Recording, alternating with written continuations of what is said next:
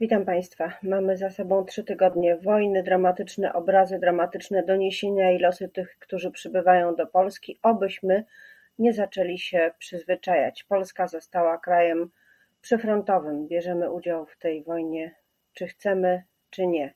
Ale co z tego wynika i co Polska e, może zrobić jeszcze, by pomóc e, Ukrainie? O tym myśli i Unia Europejska, i polskie władze, i właśnie owi obywatele i o tym też porozmawiam e, z moim gościem już za chwilę. Dzień dobry, Zuzanna Dąbrowska. Moim gościem jest eurodeputowany Bogusław Liberacki, miły, e, były minister infrastruktury, e, wiceprzewodniczący Parlamentu Europejskiego. Dzień dobry. Dzień dobry, witam serdecznie. Wczoraj policja rozgoniła wolontariuszy protestujących przeciwko przejazdowi, swobodnemu przejazdowi rosyjskich i białoruskich tirów przez przejścia graniczne na granicy polsko-białoruskiej, przede wszystkim w Koroszczynie, gdzie jest ogromne przejście E, towarowe e, no, rozgoniła, bo nie obowiązują sankcje na transport e, przez nasze terytorium i przez naszą granicę. Czy powinny i czy Polska wie, czy może sprawdzić, czy ma prawo, co w tych tirach się znajduje? Masło czy bomby? Tuż tak. Przede wszystkim ja bardzo rozumiem emocje i intencje wolontariuszy i tu kierują się szlachetnymi pobudkami, żeby nie, nie pomagać, mówiąc tak bardzo oględnie, zarówno agresorowi, jak i, jemu, jak i jego satelicie. Ale jest inna prawda, czy druga prawda, to jest taka, że to nieprawda, że przewoźnicy międzynarodowi to, jest, to są organizacje czy ludzie, którzy wspierają agresora. Otóż nie znajdujemy się w następującej rzeczywistości. Jest zakaz dotyczący lotnictwa, zarówno wlatywania w przestrzeń powietrzną, ale z wyjątkiem uwarunkowań humanitarnych. Jest zakaz dotyczący obsługi statków rosyjskich w portach europejskich, ale nie tylko europejskich, wiele państw na świecie również do tego dołączyło. Nie ma natomiast zakazu dotyczącego ruchu pojazdów ciężarowych. Jest natomiast lista wyrobów, usług, ale usług nie przewozimy i towarów, które mają, mają charakter promilitarny, wspierający armię. Więc tych towarów nie powinno znajdować się w samochodach ciężarowych. Ale jak Teraz, gęste jest to sito? Panie pośle, jak często ci to wolontariusze mówią, e, my blokujemy te samochody, bo one przejeżdżają swobodnie, nikt ich nie sprawdza. Ach, to jest osobna sprawa właśnie, czy ktoś na przejściu granicznym sprawdza. Na przejściu granicznym, to jest granica zewnętrzna Unii Europejskiej, to władze Polski odpowiadają za wszelkiego rodzaju kontrolę. Celną, kontrolę tego, co się przewozi w samochodach, w jakich warunkach się przewozi, kontrolę wszelkich dokumentacji i również sprawdzenia stanu faktycznego z dokumentacją, który posiada kierowca. Więc tutaj jest kluczowy moment. Tu nie tylko, że możemy, mamy prawo i obowiązek sprawdzać. Pamiętamy nie tak dawno jeszcze przez długi czas trwające nawet i, i obrazki telewizyjne, że samochód ciężarowy był prześwietlany są do tego do skanowania pojazdów i ich zawartości urządzenia. Znajdowano kontrabandę. Słucham? Wagi bo, wagi, bo jak mówią celnicy, yy, przy tych sankcjach, które są na sprzęt, no wiadomo, bandaże yy, nie ważą dużo, ale każdy sprzęt wojskowy, który się przewozi, yy, zdecydowanie będzie ważył więcej niż to, co jest wpisane w deklaracji. I redaktor, wyobrażam sobie również sytuację, że sprzęt ciężki może być obłożony bandażami. A zatem jest taka funkcja jak skanowanie zawartości pojazdu. I dlatego odkrywaliśmy często różnego rodzaju ładunki niedozwolone, przemycane. Najbardziej sławetna była sprawa oczywiście kontrabandy papierosów, o tym pamiętamy. Natomiast tutaj mamy pełne prawo, ba więcej, powinność po pierwsze sprawdzenia, po drugie prawidłowego oclenia, jeżeli coś podlega ocleniu. Natomiast sam transport samochodowy chciałbym, żebyśmy wiedzieli, gdzie on jest usytuowany. Otóż jednymi z ostatnich, którzy uczestniczą w ewentualnym procesie nieprawidłowości, to są właśnie przewoźnicy, a zwłaszcza kierowcy. Otóż towar ma swojego wytwórcę, towar ma swojego eksportera, towar ma swojego importera, towar ma bank, który obsługuje tę transakcję, czyli y, przy, dokonuje zapłaty, pobiera od kogoś środki za eksport i za wykonaną usługę, wreszcie dokonuje rozliczeń. Na końcu jest transport, czyli ten, który fizycznie dane dobro zawiera. I kierowca nie zawsze ma kompetencje do tego, żeby ocenić prawdziwą zawartość zadeklarowanego towaru. I od weryfikacji tego jest właśnie y, służba graniczna, czyli zarówno Straż Graniczna, jeżeli chodzi o wszelkiego rodzaju procedury formalno-prawne i y, oczywiście służba celna. Także tutaj jest podstawowa funkcja, powinność do dokonywania. Y, Panie pośle, no pewnie, że jest powinność, ale czy ta powinność jest spełniana? Czy Unia Europejska, bo nie pytam tylko o Polskę, to jest granica, tak jak pan powiedział, Unii Europejskiej wobec krajów e, obecnie wrogich, tak Białoruś czy granica z obwodem kaliningradzkim, to są państwa co najmniej wrogie, jeśli nie e, formalnie w stanie e, wojny z Polską i z Unią Europejską i z NATO. Czy ktoś pilnuje tych sankcji, to znaczy, czy nasze służby są w stanie wywiązywać się z tego zadania? Pana zdaniem, czy ktoś to ocenia, czy ktoś to sprawdza? Otóż mamy następującą sytuację. Pan premier wczoraj wydał oświadczenie, że podlega to dokładnemu sprawdzeniu. Pan premier tak powiedział. Na razie wiem, że pan premier to powiedział. Natomiast nie było dotychczas weryfikacji czy kontroli, nie było, zdaje się, powodów do tego, żeby nie wierzyć polskiemu rządowi. Czyli tutaj jest odpowiedzialność podstawowa władz państwa danego. To Unia Europejska scedowała ochronę granic tę gospodarczą, finansową, fiskalną, a także prawną w obrocie towarowym na państwa członkowskie. I ja nie chciałbym występować w roli tego, który nie mając dowodów będzie chciał wnosić do Unii Europejskiej, do instytucji europejskich o weryfikację czy o wysłanie swoich funkcjonariuszy, bo jako takich funkcjonariuszy, czyli europejskich celników, i europejskich pograniczników, z wyjątkiem Frontexu, ale on jest od celów trochę innych, po prostu nie mamy. A składać skargę y, bez posiadania dowodów, sądzę, że to nie byłoby rozważne w tych warunkach. A czy Unia może sama to zrobić? Czy wobec tego, że zapowiadane są następne sankcje, przecież są zapowiadane kolejne, y, czy może sama wysyłać, nazwijmy to, wzmocnienie na granicę? wschodnią granicę Unii Europejskiej. Sankcje zdaje się, że zostały wczoraj zdecydowane kolejne. Czekamy na ogłoszenie w dzienniku urzędowym. Do czasu ogłoszenia w dzienniku urzędowym nawet nasz ambasador przy Unii Europejskiej uznał, że to ma charakter poufny, że nie będzie wszystkiego ujawniał. Jeżeli będą dowody na to i przekonujące, że rząd polski nie dotrzymuje wystarczających jakościowo kryteriów kontroli zawartości pojazdów, może się tak zdarzyć, że Unia Europejska wystąpi do rządu z żądaniem wyjaśnień w tej sprawie, no ewentualnie może wysłać tak zwaną fact-finding mission, czyli misję, która będzie starała się sprawdzić, jak funkcjonuje przejście graniczne w kontekście właśnie nakładanych sankcji, czyli towary, które są objęte sankcjami czy są y, przewożone przez granicę, czy po prostu są zatrzymywane. I gdyby się uda, okazało, że polska granica jest dziurawa, no to wtedy byłby to niedobry znak zarówno dla Polski, taki politycznie, jak i mogłoby się wiązać z konsekwencjami finansowymi. Panie pośle, jest wojna, więc jest chaos. Chaos dotyczy nie tylko kraju, który został zaatakowany, ale dotyczy dużej części naszego kontynentu i myślę o chaosie infrastrukturalnym.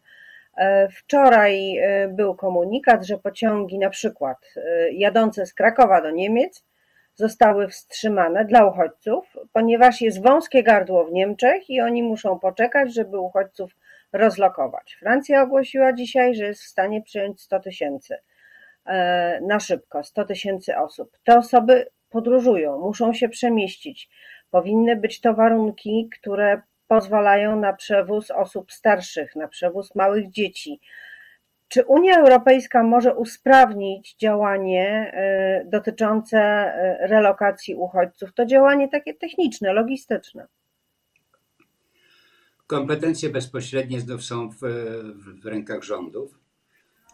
Unia Europejska może apelować, oczekiwać, zwracać się, sprawdzać stan funkcjonowania tegoż systemu przewozów.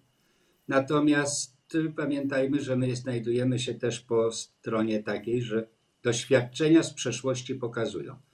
Mieliśmy kwestię relokacji w latach 2014-15. No i rząd polski wówczas najpierw zgodził się na 7,5 tysiąca uchodźców, potem zakwestionował to wszystko. A zatem, jeżeli chodzi o taką stronę, że tak powiem, wizerunkową, my jesteśmy na słabszej pozycji niż moglibyśmy być, gdybyśmy okazali się kiedyś solidarni.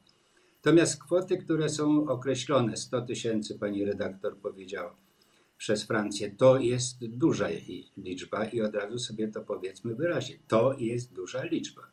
Natomiast, żeby były, były te osoby przewiezione w sposób należyty, jeżeli chodzi o jakość usługi transportowej, to jest, wydaje się, wymóg zupełnie normalny. Ale przy okazji też wychodzi stan interoperacyjności przewoźników kolejowych. To nie jest po raz pierwszy i tylko w przypadku kryzysu. Taki jest stan kolei, że ta interoperacyjność jest wciąż niewystarczająca.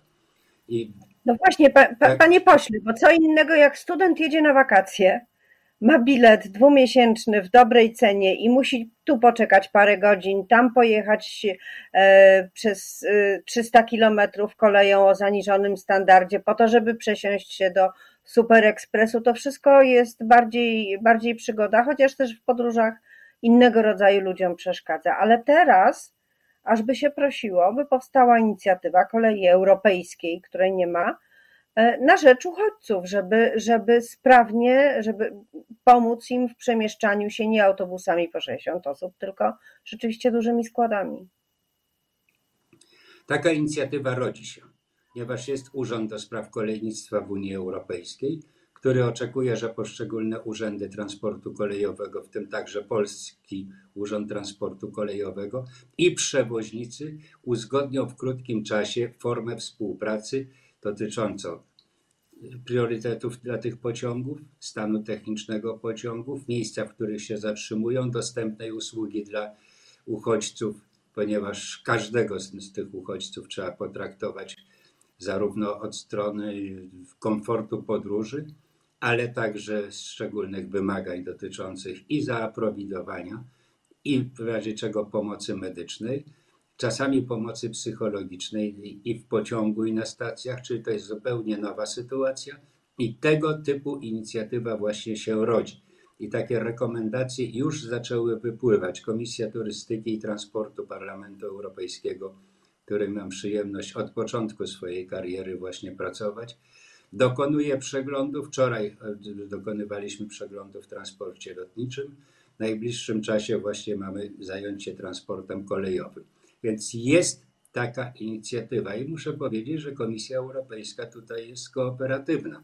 Także z tym nie mamy istotnych problemów, jeżeli chodzi o takie deklaracje i koncepcje europejskie. Problemy są, ale to częściowo są usprawiedliwione w normalnym funkcjonowaniu.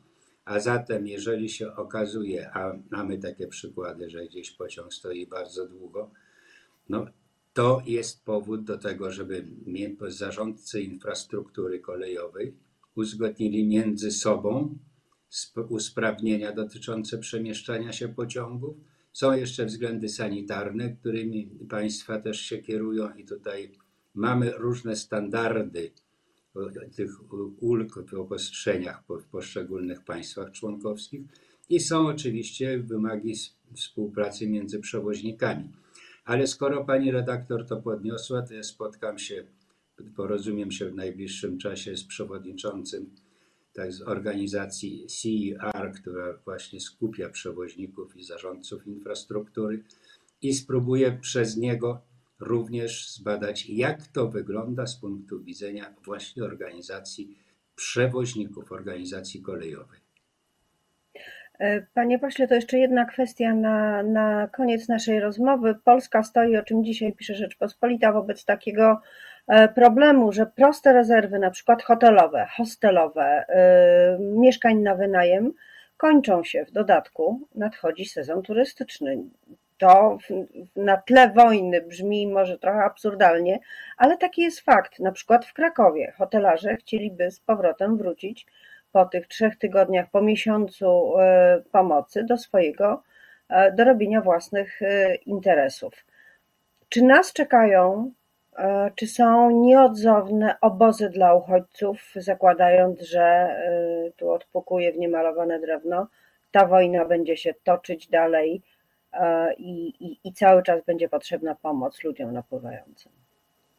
I to jest właśnie problem, który wczoraj też omawialiśmy z komisarzem Bretonem który odpowiada za rynek wewnętrzny, w tym między innymi za sprawy turystyki. I, odsur, i chcielibyśmy, żeby tutaj powstała bardzo jasna koncepcja wypracowana na forum Unii Europejskiej wsparcia finansowego dla uchodźców adresowanego do poszczególnych państw proporcjonalnie do liczby osób, które te państwa przyjmują. Tak, mamy świadomość i to było także wyraźnie podkreślone, że grozi nam właściwie nieprzewidywalna zupełnie sytuacja w turystyce. Jeżeli miejsca, o których Pani wspomniała, hotele, ośrodki, ale także i środki transportu, wagony, autobusy będą zajęte przez uchodźców dla celów ich relokacji, powstaną bardzo daleko posunięte perturbacje w całym rynku turystycznym Unii Europejskiej. A im bliżej granicy wojny, tym te perturbacje będą większe i oczekujemy, że będą inicjatywy stosowne po stronie Komisji Europejskiej, ponieważ my również znajdujemy się w takiej sytuacji, że każdemu hotelarzowi, który przyjmie, oferuje się w tej chwili 40 zł dziennie za nocleg, za łóżko. A normalna cena bywa o 100 zł, a bywa, że więcej niż o 100 zł wyższa. Więc pytanie, kto zrekompensuje tę ten ubytek.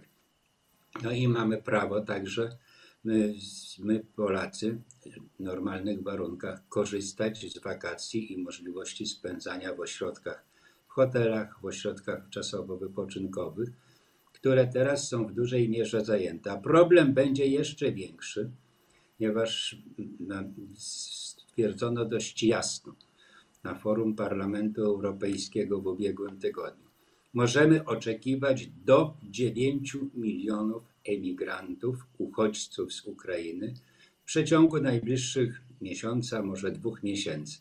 Jeżeli sytuacja się nie, w jakiś sposób nie wyjaśni pozytywnie, zwłaszcza po stronie ukraińskiej. I te miliony będą musiały być przyjęte i w warunkach na jakimś minimalnym poziomie po prostu obsłużone. Połowa z tych 9 milionów zapewne trafi do Polski. No bo taki jest tutaj, taka jest rzeczywistość dotychczas, że nawet więcej niż połowa to, jesteś, to są emigranci u nas. Mamy dziś 1,8 miliona y, uchodźców. Przy całej skali uchodźstwa rzędu 2,5, może około 3 milionów dotychczas. I tutaj będą prawdziwe wyzwania. I oczekiwałbym, że wszyscy się z tym zgodzimy, że dotychczasowy sposób działania spontaniczność społeczeństwa, przyjmowanie uchodźców przez swoich krewnych, znajomych, którzy już w Polsce pracowali, czyli setki tysięcy rodzin, które były skłonne i gotowe przyjąć uchodźców, zaczynamy, zaczyna się wyczerpywać ta, ta możliwość. Potrzebne są regularne rozwiązania rządowe i rozwiązania, które będą mogły zaspokoić zarówno te potrzeby ilościowe, ale również jakościowe. Słucham także wypowiedzi lekarzy, czy służba zdrowia polska jest w stanie sprostać tym wymogom. odpowiedzi z dużą przyjemnością słyszałem, że lekarze są na to przygotowani, służba zdrowia jest przygotowana, motywują się swoją misją. Więc to jest dobra wiadomość. Natomiast pamiętajmy, że podstawowe wyzwanie być może jest jeszcze przed nami. I tu rząd musi się wykazać. Słyszeliśmy rozmowę prezydentów miast, prawda? W jednym z mediów. I prezydenci miast podkreślają, to na razie obywatele, ludzie, to No tak. samorządy, to organizacje pozarządowe ro- rozwiązują problem. Natomiast czeka się wciąż na jasny jasną koncepcję i wykonalną koncepcję rządu. A misja ani lekarska, ani samorządowa, ani po prostu ludzka nie zastąpi polityki państwa, a w dodatku, jeśli zaczniemy teraz budować jakiś system, to można być pewnym, że on z nami pozostanie, wypadałoby to więc robić jak najlepiej od razu, od początku. Wiadomo, że prowizorka trwa najdłużej. Bardzo dziękuję za tę analizę możliwości infrastrukturalnych i bieżącej sytuacji. Moim gościem był eurodeputowany Bogusław Liberacki, Nowa Lewica. Dziękuję bardzo. Dziękuję bardzo, pozdrawiam.